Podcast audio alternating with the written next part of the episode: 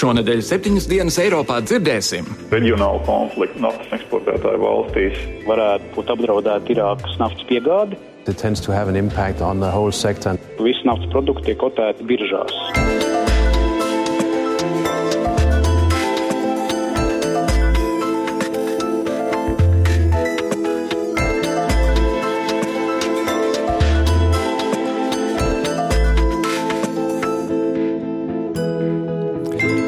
Labdien, klausītāji! Klāt kārtējā pirmdiena un skan kārtējais septiņas dienas Eiropā raidījums, kas jums stāsta par ko spriež Eiropa un par ko runā pasaule. Šodien ar jums atkal Kārlis Streips. Vakar noslēdzās pasaules kausa futbolā, un kamēr Vācija cildina savu zaļā laukuma varoņus, Brazīlijas valsts vienības vājais sniegums atstājas dziļas rētas valsts psihē. Arī Krievijā kāds pareizticīgo mācītājs apgalvojas, ka Krievu komandas izstāšanās jau pamatturnīrā esot likumsakarīga, jo komandas spēlētāji valkājuši spilgtas krāsas futbola zābakus. Priesteris kādā kristiešu portālā rakstīja, ja komanda var valkāt rozā un gaiši zilas kurpes, tad tikpat labi tā var valkāt sieviešu biksītes un krūšturus. Viņš apgalvoja, ka liberālā globālisma ideoloģija tagad cenšas izaicināt kristietību pat ar futbolu. Taču šonadēļ raidījumā runāsim par ko nopietnāku. Tas ir cits ideoloģijas un reliģijas konflikts, kas izaicina un apdraud gan kristiešu, gan musulmaņu, gan ebreju pasaules lietu kārtību. Runāsim par tuvajiem austrumiem un pēdējā laika daudzo konfliktu eskalāciju šajā reģionā. Noskaidrosim šo konfliktu cēloņus un sekas, kā arī uzzināsim, kā šie konflikti varētu ietekmēt arī mūs. Bet vispirms manu kolēģu Mājas Surskas un Gita Siliņa sagatavotais pēdējās nedēļas notikumu atskats.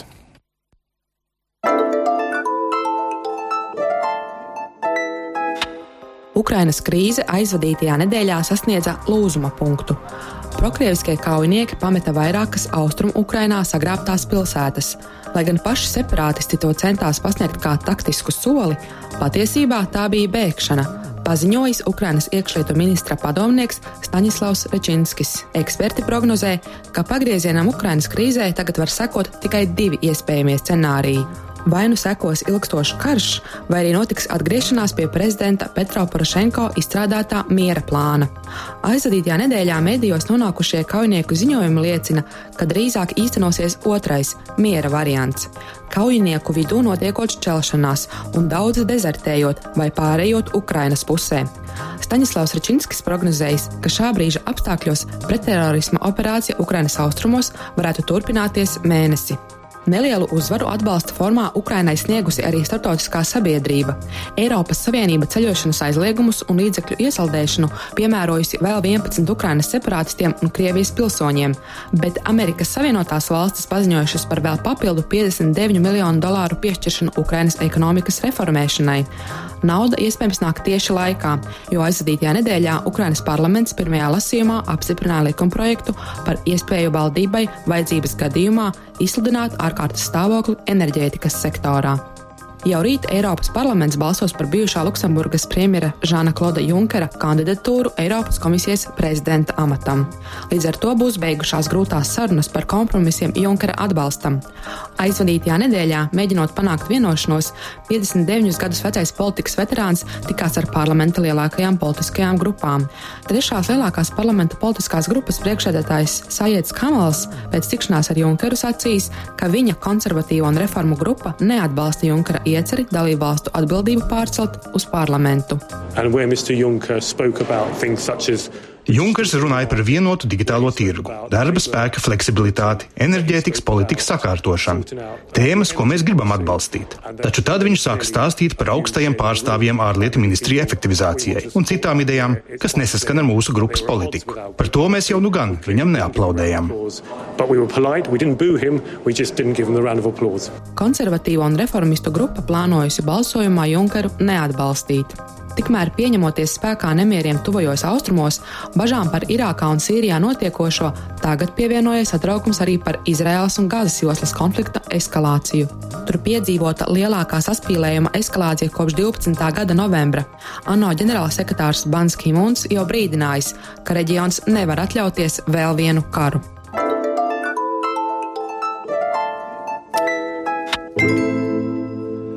Un turpināsim tagad sarunu par šo nelaimīgo tuvo austrumu reģionu. Sadursmes starp islāma divām lielajām sektām, sunītiem un šītiem, notiek visā musulmaņu pasaulē. Tomēr tieši tuvajos austrumos īpašs reliģijas un politikas sajaukums ir palielinājis šo plaisu. Šodien pasaulē ir 1,6 miljārds musulmaņu. Lielākoties viņi visi ir viensprātis, ka Alaks ir vienīgais dievs, Muhameds ir viņa pravietis. Viņi seko islāma pieciem rituālistiskas pīlāriem, un viņiem ir viena svēta grāmata, proti Korāns. Bet kamēr sunīti lielā mērā seko pravieša Muhameda mācībām, šīti uzskata, ka ajatolas ir dieva pārstāvji uz zemes. Tieši tālāk sunīti apvaino šītus ķecerībā, bet šīti atkal norāda, ka sunītu dogmatisms novedot pie ekstrēmisma. Toties robežas, kas sadala musulmaņus tuvajos austrumos, šodien tikpat lielā mērā ir politikas un ekonomikas rakstura. Ne tikai reliģiska rakstura. Arābu pavasara sacelšanās sekas bija skaidrāk nostādīt šītu valdības Irānā, Asada režīmu Damaskā un Hezbollah Libānā pret Persijas līča sunītu valstīm, piemēram, Saūda, Arābiju un Katāru. Šīs naftas bagātās valstis atbalsta sunītu kaujiniekus ar milzums daudz līdzekļiem, un šī aizmugure ceļ sunītu pašpārliecību. Bet tieši tālāk šī īta sāk justies vairāk apdraudēti nekā parasti un karo arvien dedzīgāk, lai iegūtu vai saglabātu naftas bagātās teritorijas reģionā un tādējādi finansētu savu reliģisko karadarbību. Vairāk par konflikta tiešo ietekmi uz naftas eksportu un cenām mana kolēģi Jāņa Kropa sižetā.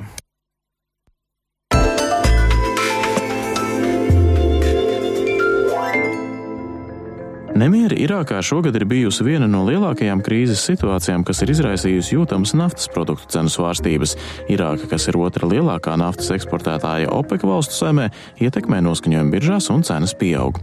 To, ka kaut vai mazākās pārmaiņas naftas ieguvēja valstīs izraisa milzīgas pārmaiņas pasaules tirgos, apstiprina Sakso banka tirzniecības eksperti. Biržas produktu tirzniecības daļas vadītājs Ole Hansens uzsver, mainās ne tikai naftas cenas, ietekme no šādiem konfliktiem ir jūtama uz visiem biržas produktiem, arī tiem pašiem cēlmetāliem un industriālajiem produktiem. Uh, Kad kaut kas notiek naftas tirgos, tad ietekme jūtama ir pilnīgi visā biržu produktu sektorā. Šobrīd mēs to ļoti labi varējām novērot līdz ar Irākas krīzi. Lielākās bažas bija par to, vai Irākas samazinās eksportējamās naftas apjomu. Valsts ir otra lielākā OPEC blokā, līdz ar to tās ietekme ir pietiekami jūtama. Kaut kas līdzīgs Lībijas un Irānas ietekmei pirms pāris gadiem. Ja Irākā sākas būtiskas problēmas ar naftas piegādēm, tad tas uzreiz atsaucas uz cenu līmeni visā pasaulē. Šādā gadījumā cenas kāpj. Šobrīd optimismu rada arī ASV naftas ieguves apmēri. Amerikāņiem ir milzīgas naftas rezerves un pagaidām tās eksports ir aizliegts ar likumu, bet šī situācija pamazām mainās, un es ticu, ka palīdzēs izmainīt globālo spiedienu naftas piegādēs visā pasaulē. Vēl viena interesanta lieta ir iespējamās ASV un Irānas sarunas. Ja tās noved pie embargo, samazināšanas Irānas naftai, tad mums jau ir pavisam jauna situācija pasaules tirgū. Latvijas degvielas tirgotāju asociācijas vadītājs Mārtiņš Stirāns arī uzsver saistību ar biržu cenām. Latviju naftu no tuvajiem austrumiem neiepērk, tāpēc tiešas saistības naftas cenai ar degvielas cenām Latvijā nav. Taču tā kā naftu pasaulē tirgo izējot tikai no biržas piedāvājuma, tad arī piegādātāji Somijā vai Lietuvā palielina savas cenas tiešā veidā tātad mēs nesaņemam naftu, naftas produktus no tuvajiem austrumiem. Bet tā sistēma pasaulē pēdējās desmitgadēs izveidojusies tāda, ka visi naftas produkti tiek kotēti biržās. Un izējot no dažādu naftu piegādes dažādos pasaules punktos, arī veidojās šī cena. Un tāpēc arī piegādājot naftas produktus no tās pašas Lietuvas vai Somijas vai citām Eiropas valstīm, cena tiek noteikta pēc pasaules biržu cenas. Un šajā gadījumā, tad, kad stāsnājās šī situācija Irākā, tad pasaules tirgos parādījās bažas, ka varētu būt apdraudēta Irākas naftas piegāde, un līdz ar to arī biržās šīs cena aizgāja uz augšu. Šobrīd gan jāsaka, ka nu, pagājušās nedēļas beigās tomēr tas biržas satraukums ir faktiski beidzies un naftas produktu cena šobrīd iet uz leju. Tā kā nu, faktiski jācer, ka arī līdz benzīna tankiem šis cenu samazinājums nonāks. Mārtiņš Stirāns arī norāda, ka degvielas tirgotāji nevar celt degvielas cenas tikai savas peļņas vārdā. Viņiem ir jārēķinās arī ar iedzīvotāju pirktspēju, jo pie augstākām degvielas cenām samazināsies degvielas patēriņš. Providus enerģētikas pētnieks Reinis Abotiņš gan šādam apgalvojumam īsti nepiekrīt. Es domāju, ka te ir daļēji patiesība. Patiesība ir tajā, ka patiešām tās cenas, arī degvielas cenas svārstās un būtībā Tas būtu pārāk pārspīlēt apgalvot, ka tirgotāji ignorē pasaules cenas, piemēram, no tiem pašiem konfliktiem. No otras puses, protams, tas ir pārāk drosmīgi apgalvot, ka patērētājiem ir ļoti liela teikšana par to, kāda tad būs tā cena, kāda būs jāmaksā par to vienu litru kādas konkrētas degvielas, jo patērētājiem jau faktiski ir kaut kāds slieksnis, zem kura viņš patēriņu nevar samazināt. Diemžēl, bet kā patērētāji mēs vislabāk atceramies reizes, kad cenas pieaug, toties nepamanām, ka tās samazinās. Degvielas tirgotāju asociācijas vadītājs Mārtiņš Stirāns skaidro, kā tad veidojas degvielas cena Latvijā nav katru dienu, jo tas arī faktiski iegājies tā arī patērētāji zināmā mērā interesēs, ka nemainās trīs reizes dienā vai katru dienu šī cena. Tad, principā, vairāku dienu tāds vidējais notiek. Tas nav saistīts tieši ar nedēļas iepirkumu vai kā tam līdzīgi, bet uh, rēķina vidējo cenu, kura tādā garākā laika periodā ir notikusi. Naftas un naftas produktu cenas katru dienu ir mazliet augšā, mazliet lejā, tad, teiksim, mazumtirdzniecībā, kur klāt vēl nāk puses nodokļi, bet faktiski šīs izmaiņas nav katru dienu dienu, un tās izmaiņas notiek tad, ja šis pasaules biržu cenu izmaiņas plusā vai mīnusā ir nu, diezgan ievērojamas. Reinis Abotiņš arī izslēdz iespēju, ka naftas produktu tirgotāji varētu izmantot krīzes situācijas, lai pārdotu iepriekš iegādātu lētāku degvielu pa augstākām krīzes cenām.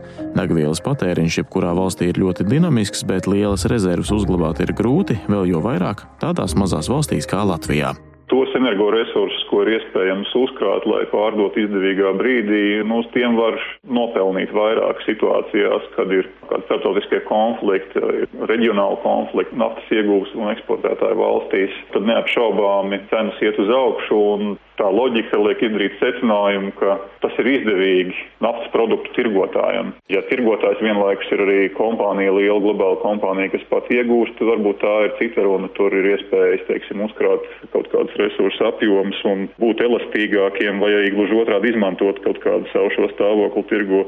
Bet uh, tiem komersantiem, kuri ir tikai degvielas tirgotāji, es domāju, ka viņi pārāk daudz nenopelna uz šo konfliktu rēķinu, ja vien viņiem nav iespējas veidot lielus uzkrājumus. Skaidrs, ka konflikti ietekmē degvielas cenas, un tā tas ir bijis jebkuros laikos. Rēnis Abotiņš arī piedāvāja ieskatīties pagātnē, ka tās pašas Irākas naftas ieguvas apjomi tiešām ir būtiski sarukuši dažādu karu gadījumā. Tajā pašā laikā nevar salīdzināt cenas šodien un pirms desmit gadiem, jo tad barels naftas maksāja nieka 30 dolārus. Mārtiņš Stirāns gan vēl prognozē, ja šobrīd naftas cena barelē saglabāsies zem 110 dolāriem, tad arī degvielas uzpildes stacijās degvielas cenas nemainīsies.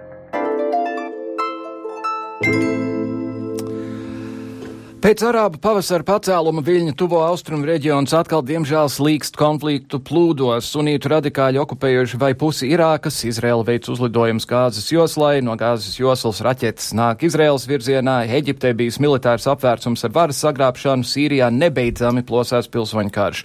Kādi ir šī brīža konfliktu eskalācijas cēloņi un vai ir iespējama situācijas stabilizēšanās? Par to jautāsim mūsu šīs nedēļas viesim Latvijas Universitātes profesoram un austrumu kultūru un reliģiju speciālistam Leonam Taivānam. Labdien! Labdien! Sāksim ar šo, pirm, šo pēdējo jautājumu, par kuru nu pat bija sižets. Es, es šodien lasīju komentāru kaut kur internetā sakot, ka problēma Ukrainā šai, šī kara darbība ir ne tik daudz Putina Krievu pasaules lieta, bet tas, ka Ukrainā esot slānekļa gāze un tāpēc tur notiek cīņa. Cik lielā mērā jūs jūsuprāt, cīņa pat labi Irākā ir tieši par naftas jautājumiem? Nu, es domāju, ka cīņa dēļ naftas jautājumiem uh, ir notikusi vienmēr, un Irākas vēsture ir ļoti cieši saistīta ar uh, naftas jautājumiem. Uh, nu, piemēram, uh, Irākas izveidošanās pēc Pirmā pasaules kara uh, bija saistīta tieši ar šo Angļu toreiz, kas toreiz bija Eh, pasaules attīstītākā, eh, tehniski attīstītākā liela valsts ar angļu interesēm šajā reģionā. Īpaši naftas iegula. Eh, naftas iegulas viņi sāka apgūt jau pirms Pirmā pasaules kara. Pirmais pasaules karš pārtrauc stulīt, un Anglija izdarīja maksimumu, lai saglabātu šīs teritorijas sev, kas arī notika un tika izveidot Irāku. No kādreizējās, no kādreizējās Osmaņu impērijas vai Otomaņu impērijas tātad lielāka kompleksa. Viena daļa tātad atgāja Frančiem, tā bija Sīrija. Libānu, un Irāka kļuva par Angļu teritoriju. Ir patiesībā sakot, šis reģions ir vienots.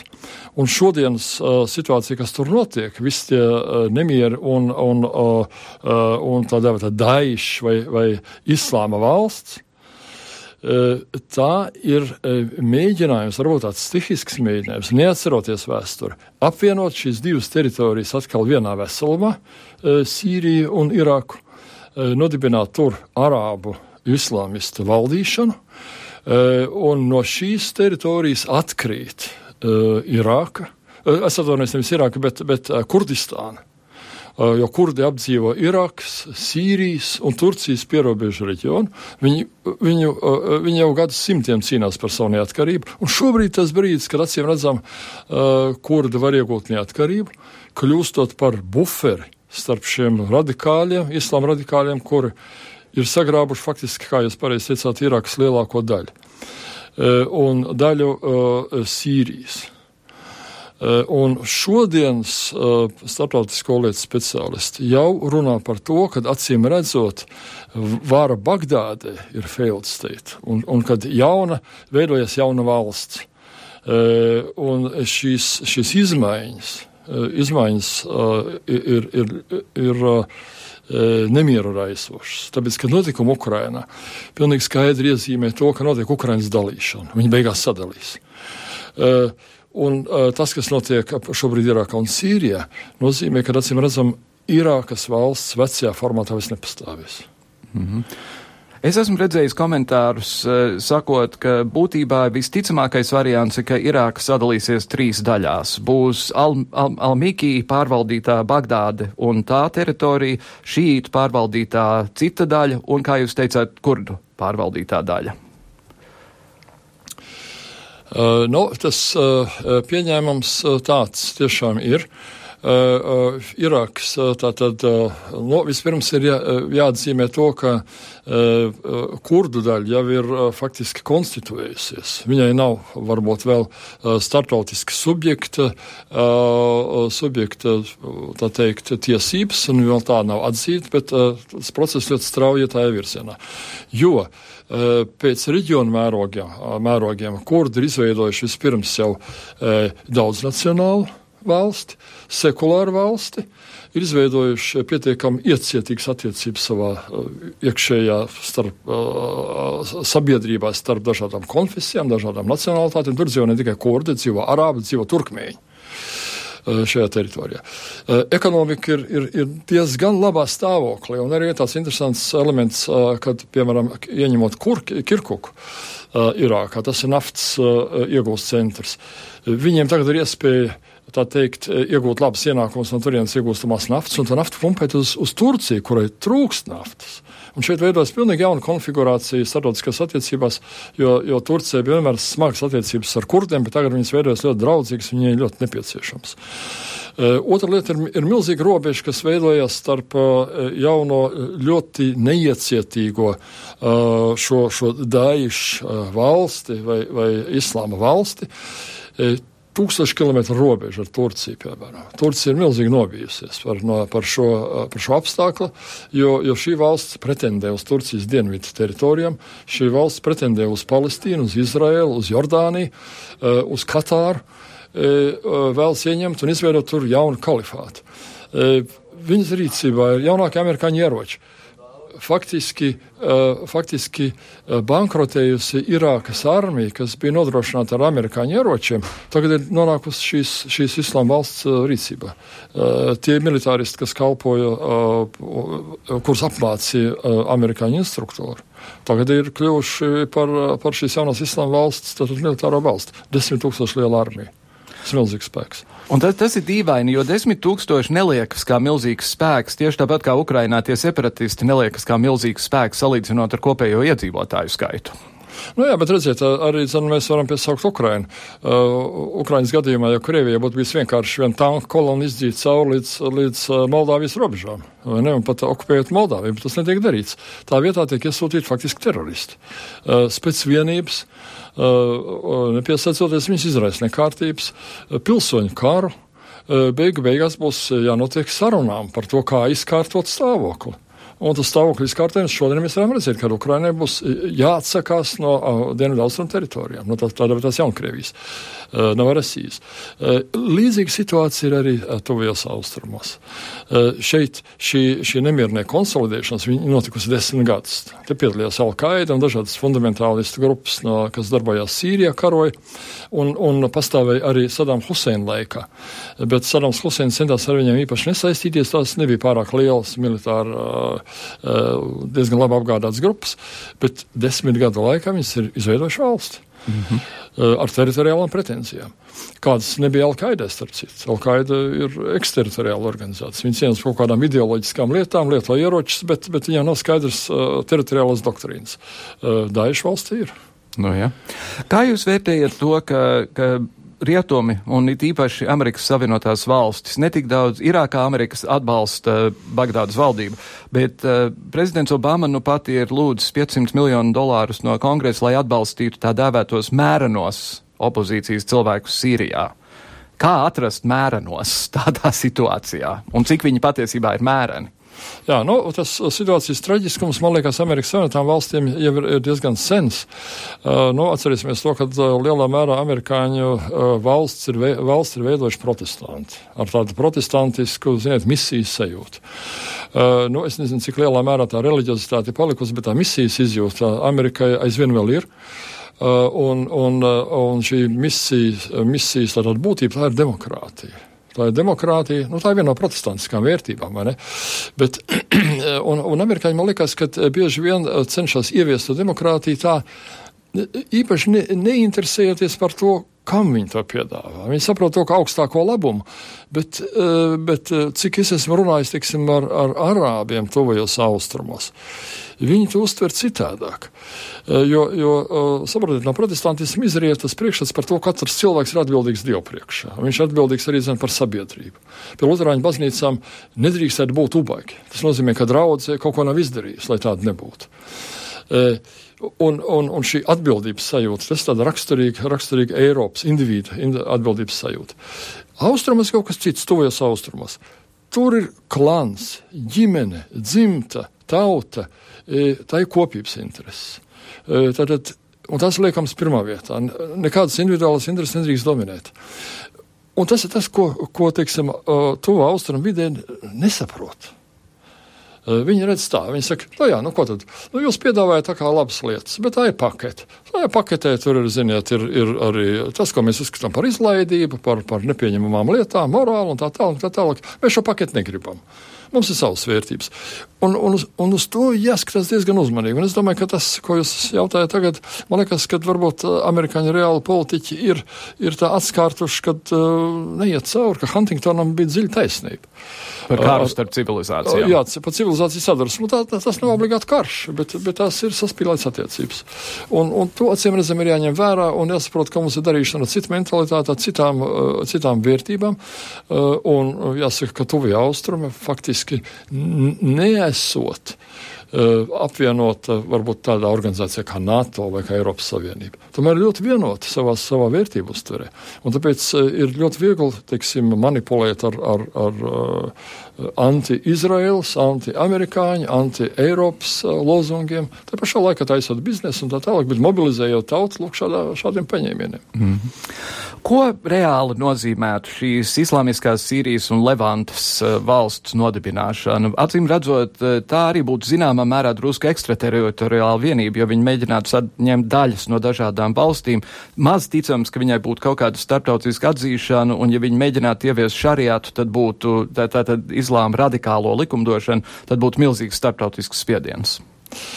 Uh, nu, redziet, tur ir tā, tā, tā viena no tādām starptautiskā attiecību problēmām, uh, ka uh, vai, vai varbūt jaun, jaun veidojošos valstu problēmām. Atcerēsimies, kā bija Čečenijā. Čečenija pēkšņi sāk cīnīties par neatkarību, viss tā kā atbalsta. Bet tiklīdz sākās cilvēku, uh, cilvēku pavierzināšana, cilvēku laupīšana un, un nekonvencionālas lietas un neprasme runāt starptautisko sabiedrību ar pārējo pasauli. Tā, tā pārējā pasaule atsakās no, no, no, no tādas uh, valsts neatkarības centieniem. Un uh, šeit ir kaut kas līdzīgs. Bet šeit ir daudz lielāks spēks. Šīs valsts rīcība, nu, viņi savus, savus, savus finansu resursus iegūst ar, ar cilvēku laupīšanu, ar banku aplaupīšanu, viena pat Mosulas bankas aplaupīšanu. miljoni. Jā, pārpusē, gandrīz pusmiljārdu deva viņiem. Te pašā laikā kaujinieki, kas, kas kalpo šīs valsts armijā, saņem 50 dolārus mēnesī. 50 dolārus mēnesī. Tātad mēs varam redzēt, cik, cik, cik, cik zems ir tas maksājuma līmenis un cik liels iespējas pie, pie šādiem ienākumiem milzīgiem ir teiksim, mobilizēt armiju. Tuvos austrumos milzīgs bezdarbs jauniešu starpā un, un nav problēmas samobilizēt tik lielu armiju, cik vajadzīgs. Tas nozīmē, ka viņai liels spēks ir. Tiklīdz uh, viņi sāks konstituēties kā valsts un mēģinās to darīt. Uh, nu, būs jāsāk uh, veidot kaut kādas starptautiskās attiecības. Un tas sāksies problēmas. Un tev vajadzēs vai nu viņiem atkāpties no savām tādām, teiksim, šariāta likumprasībām, vai arī, vai arī pazust no, no, no politiskās kartas. Jo pēc statistikas tāda ļoti islamistiska režīma noturās pie varas ilgāk kā trīs gadus. Mm -hmm. nu, ir, ir viens cilvēks, kas tagad sevi ir pasludinājis par to, to jauno ka, kalifātu vadītāju. Tagad, jā, jā, jā. Viņš tagad būšot atbildīgs par visiem pasaules musulmaņiem. Cik es saprotu, lielākoties pasaules musulmaņi saka, nē, nē, nesteidzies gan. Mēs negribam būt kalifātu sastāvdaļa. Nu jā, tad, tad Abu Bakr al-Baghdadi ir tātad uzņēmies šādu kalifāta lomu, kal, kalīfa lomu. Es domāju, ka vispirms jau nu, kalīfa laiki pagājuši. Tāds, tāds vispasaules musulmaņu pāvests šodien diezgan vai ir aktuāls, un es domāju, ka pirmā, pirmā un tā ir, tā ir, tā ir pasaules otra lielākā kopiena, kas, acīm redzam, tādu kalifātu nepieņems, tā būs Indija Un lielākā islāma kopiena pasaulē, Indonēzija, arī diezin vai.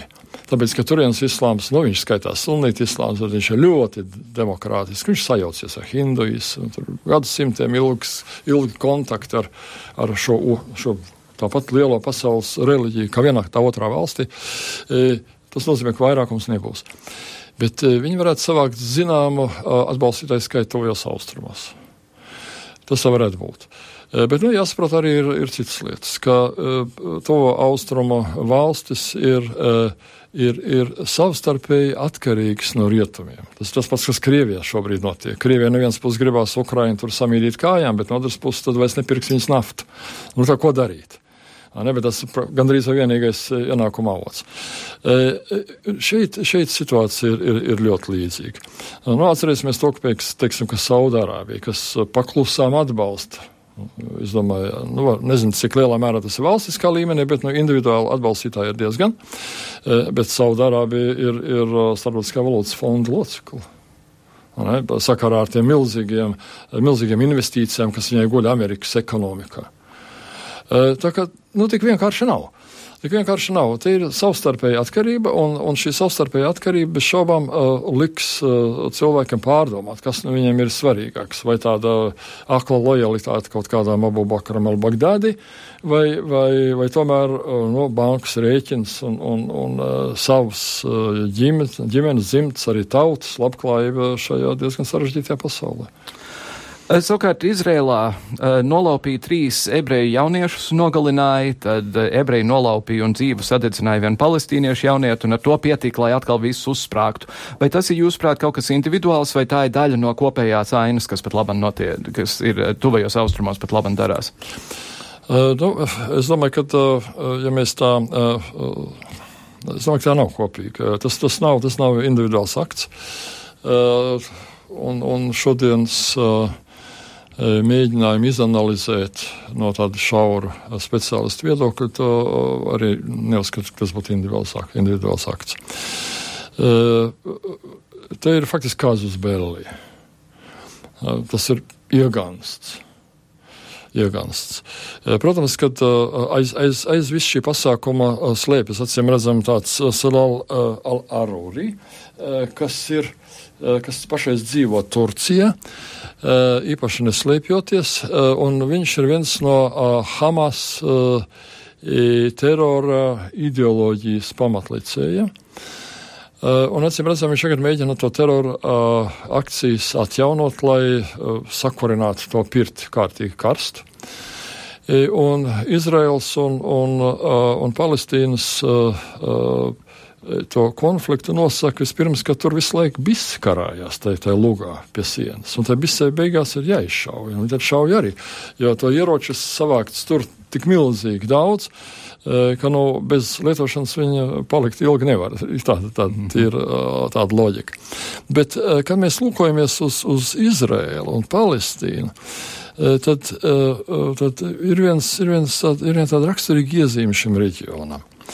Atcerēsimies krustkarus krustkars, kas sākās 11. gadsimtā un, un 13. gadsimta vidū precīzi beidzās. Tātad ilga bezmaz 200, 250 gadus. Un kas tie tādi bija? Tā bija Eiropas klātbūtne tuvajos austrumos. Un Izraela šodien ir tāda pati Eiropas klātbūtne tuvajos austrumos. Eh, krustneši dzīvoja lielākoties eh, pateicoties komunikācijām eh, ar, ar Eiropu, kuras nodrošināja Venēcijas flote, no kurienes Venēcija iegūstos milzīgās bagātības. Tas bija attiecības ar, ar, ar Franciju, tas bija attiecības ar Itāliju un pārējo Eiropu. Šodien Izraela faktiski pārstāv Eiropu, Eiropas demokrātiju, vai, vai viņi tur rīkojas Eiropas demokrātijas vārdā vai piedalās demokrātijas vārdā. Piedalās Eirovīzijā, piemēram. jā, jā, jā. jā. E, un, un Izraela atšķirībā, teiksim, no, no, no vietējiem, no vietējiem politiskajiem, politiskajām vienībām, valstīm, kas pārstāv, nu, labi, ja savu reģionu, ne pat tikai sevi. Tad Izraela pārstāv pasauli tur, pārējo Eiropu, Ameriku, e, tātad plašāko pasauli tur. Un, un teiksim, kaut kādi uzbrukumi, e, uzbrukumi Izraēlai Izraels reakcija, momentāla reakcija uh, visā pasaulē. Īpaši tur, kur ir liels e, ebreju kopienas, Amerikas Savienotās valstīs, Francijā, uh, Holandē un vēl, vēl citur. Uh, kas ir izmainījies šobrīd? Šobrīd ir izmainījies tas, ka, uh, kā mēs redzam, Obama cenšas īpaši neiesaistīties. Viņš jau ne pirmo reizi tā turās malā no Izraels arābu attiecībām, par ko viņi uh, nu, ebreju lobbyis stingri kritizē Amerikā un, un kritizē arī Izraelu. Šodien tas pats. Tad, tad ir bijuši mēģinājumi dabūt viņa kaut vai diplomātisku atbalstu, bet tas atbalsts neseko. Viņš tā, nu, saka, jā, vajag, vajag nomierināt to situāciju, tad, tad ir jāpārstāj bu, tā bumbošana no abām pusēm un tā tālāk. Kaut gan Izraēla uzskata, ka gaz, gaz Teritorijā ieracies Hamas, ir, ir tas, kas ir vainīgs pie visas mm -hmm. šīs lietas. Un, un tas viss nozīmē to, ka situācija tojos austrumos diezgan stipri mainās. Amerikas Savienoto valstu loma iet mazumā šajā reģionā. Mm -hmm. Vai jūsuprāt, pamatjautājums, mēs, kas neesam jūs, tātad neesam lieli speciālisti šajā jomā, vispār saprotam, kas ir islāms un musulmaņi? Nu, es domāju, ka Jo mēs redzam, mēs redzam, Saudārābijā sievietes nevar būt pie stūres, Nigērijā Boko Harams laupas sievietes.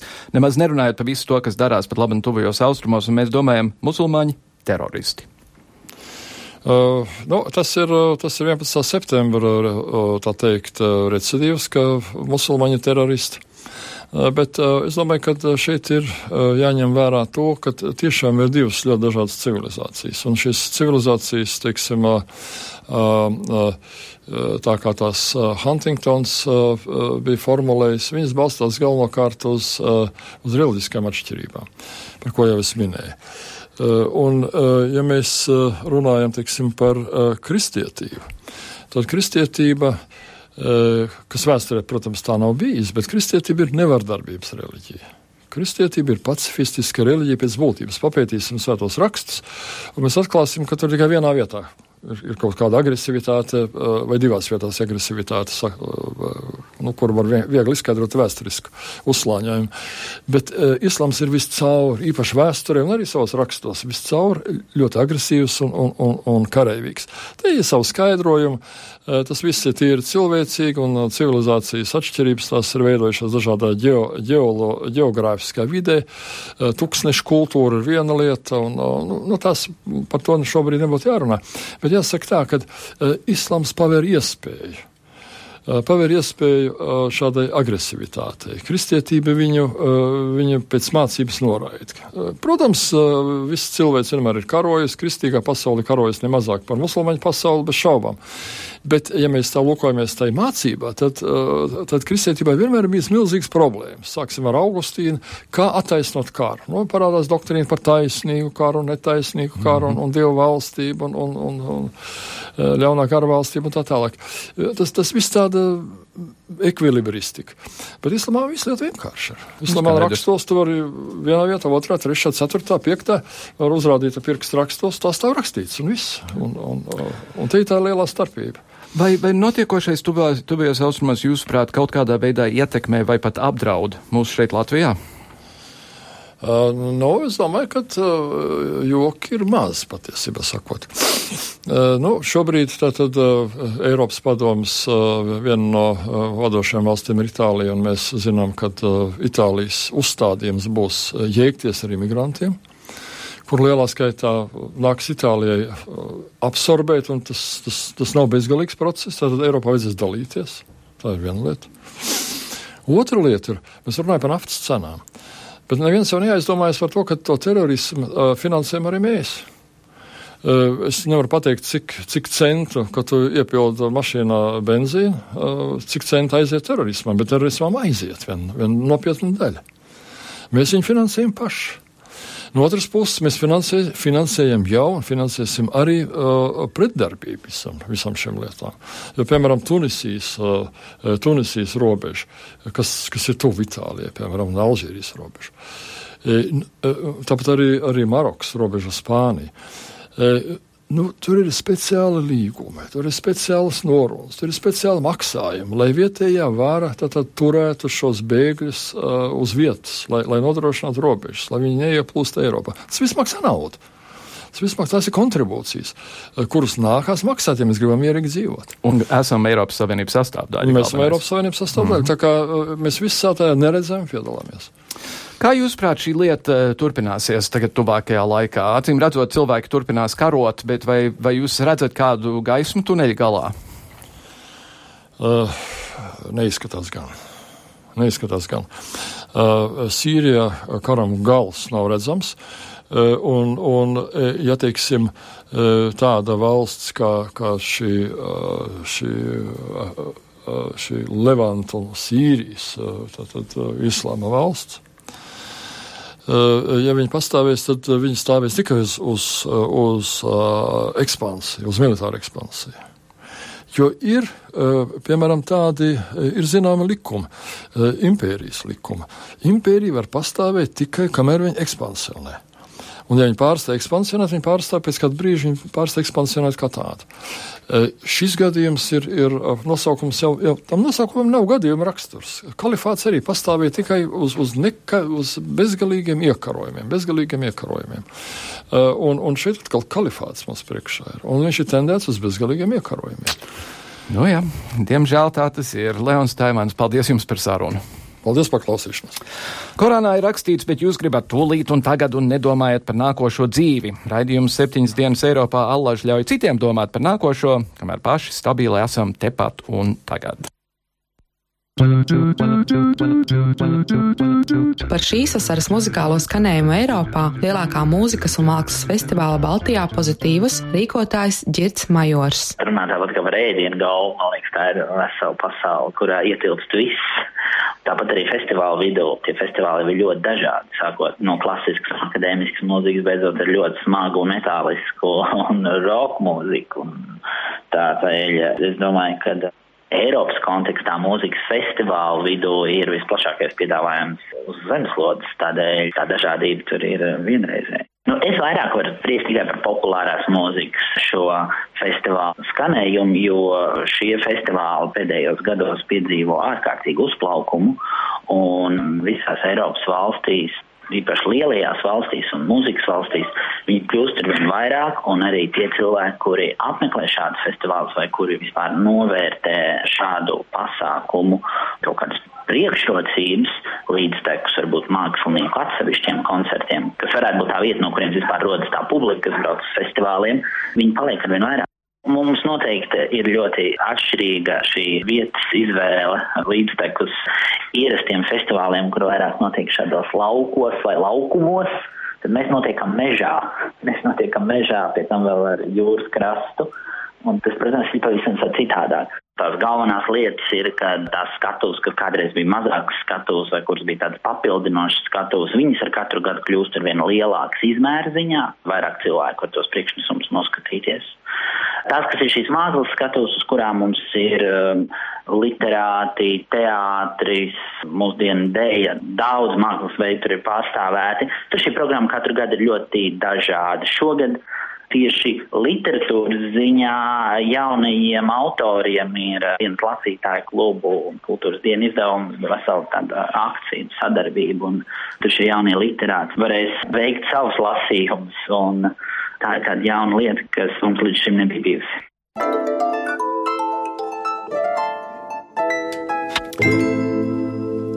Lūk, karš tuvajos austrumos un mūzikas festivālu Latvijā. Tāds ir mūsu raidījums septiņas dienas Eiropā. Mēs turpināsim sekot visiem notikumiem Eiropā un arī ārpasaulē, kas ir Eiropu ietekmē. Paldies, ka šodien klausījāties. Paldies profesoram Taivānam. Mēs atgriezīsimies šajā pašā laikā nākamnedēļ. Mans vārds ir Kārlis Streips. Līdz tam brīdim visu labu!